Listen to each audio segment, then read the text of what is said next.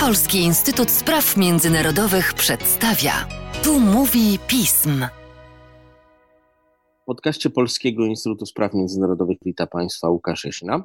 Witam naszego specjalistę od spraw wschodnich, osobliwie ukraińskich, Macieja Zaniewicza. Dzień dobry. Dzień dobry. W ciągu ostatnich kilku tygodni na Ukrainie zdarzyło się oczywiście wiele rzeczy, ale jedna z nich wzbudziła bardzo duże zainteresowanie. Konteksty są tu oczywiście różne. Chyba jednym z najbardziej popularnych jest kwestia w ogóle wolności mediów. Otóż część mediów ukraińskich została przez państwo ukraińskie zamknięta z uwagi na, i to bardzo ogólnie to stwierdzę, prorosyjskie sympatie, choć ty nam to uszczegółowisz. Jakie jest tło tej takiej dość bezprecedensowej decyzji? Jakie są na nią reakcje, zarówno w samej Ukrainie, jak i poza nią?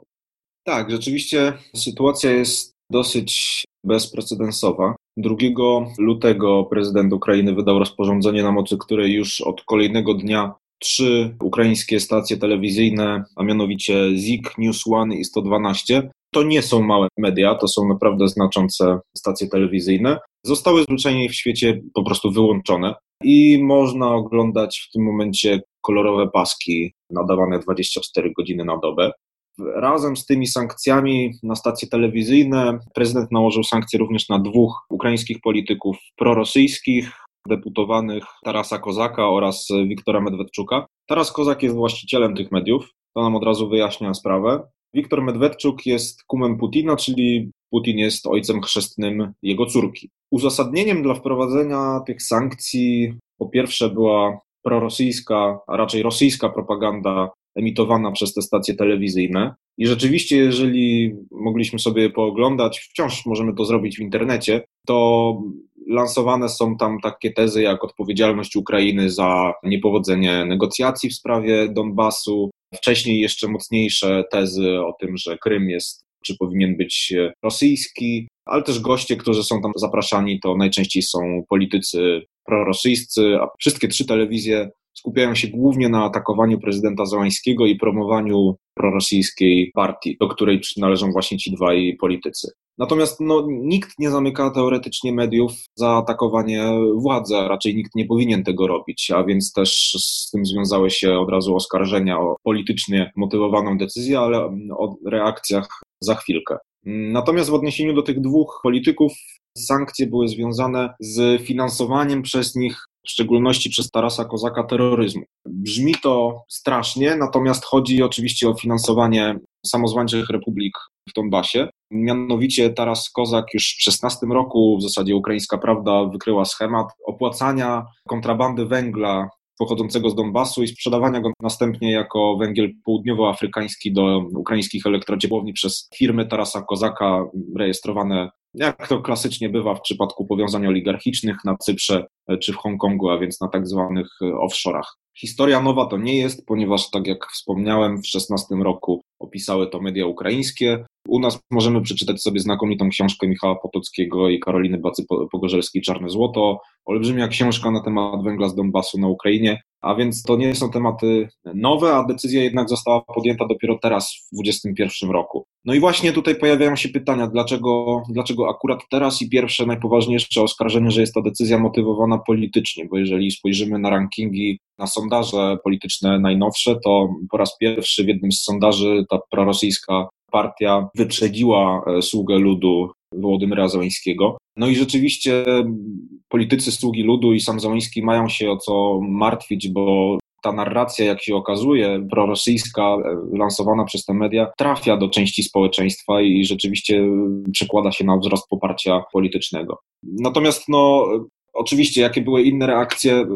Generalnie można powiedzieć, że jeżeli chodzi o społeczeństwo, społeczeństwo dosyć mocno się podzieliło, tak pół na pół. Połowa poparła tę decyzję, połowa jest jej przeciwna. Jeżeli chodzi o zaś reakcje międzynarodowe, to tutaj mamy z kolei poparcie ze strony Stanów Zjednoczonych, które jest kluczowe.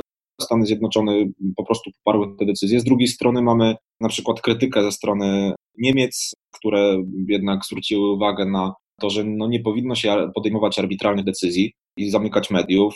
Mamy krytykę również, no, oczywiście, Rosji, no i mamy w tym momencie informację, poinformowano również Radę Europy o możliwym naruszeniu wolności mediów i teraz sprawa jest na etapie oczekiwania na odpowiedź ukraińskiego rządu. Jeżeli mielibyśmy tak e, uczciwie oceniać te decyzje, to można powiedzieć, że co do samej treści jest ona słuszna, wręcz za późno ją wprowadzono, natomiast rzeczywiście wątpliwości budzi sposób wprowadzenia tej decyzji w życie, no bo tak naprawdę e, sankcje stosuje się w stosunku do osób, których nie można osądzić na własnym terytorium, tak? W ten sposób Stany Zjednoczone na przykład wprowadzają sankcje wobec oligarchów rosyjskich, osób powiązanych z inwestycjami na okupowanym Krymie, no bo nie mogą ich osądzić na swoim terytorium. Tu mamy do czynienia z sytuacją, gdy państwo ukraińskie wprowadza sankcje na osoby, które są nie dość, że znajdują się na terytorium Ukrainy, to jeszcze są deputowanymi do parlamentu i w stosunku do mediów, które przecież są zarejestrowane na Ukrainie i nadają na Ukrainie.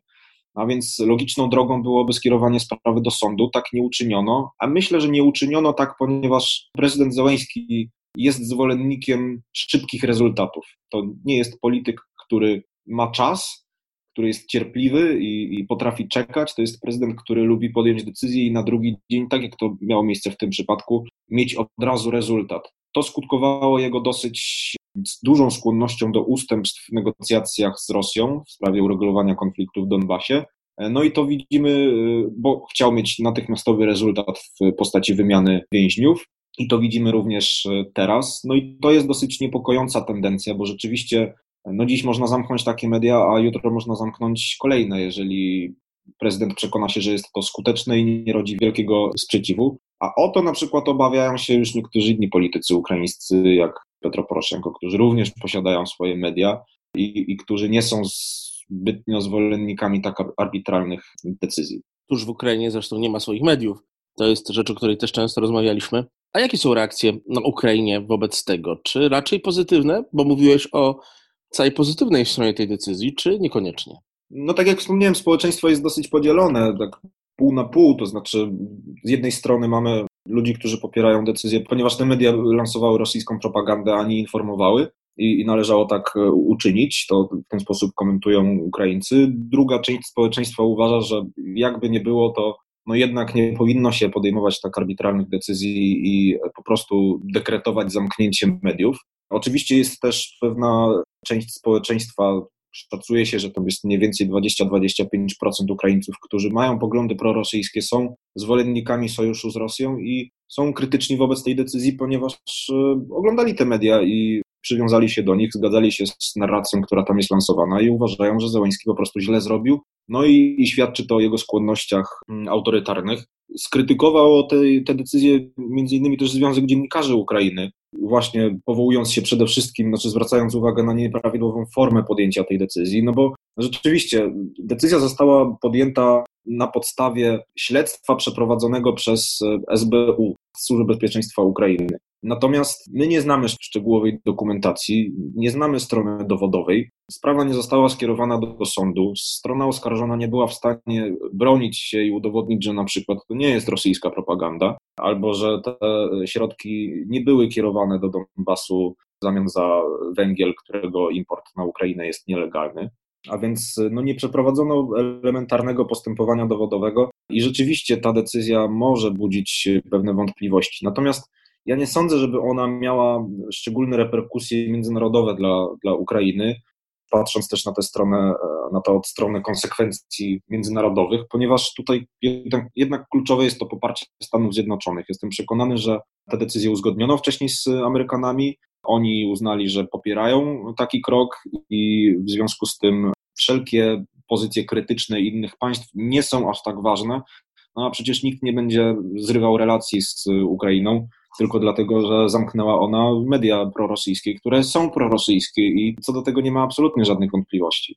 I do tego jeszcze stoją za tymi mediami ludzie, którzy ogólnie rzecz biorąc nie cieszą się poza rosyjskimi mediami specjalnym szacunkiem.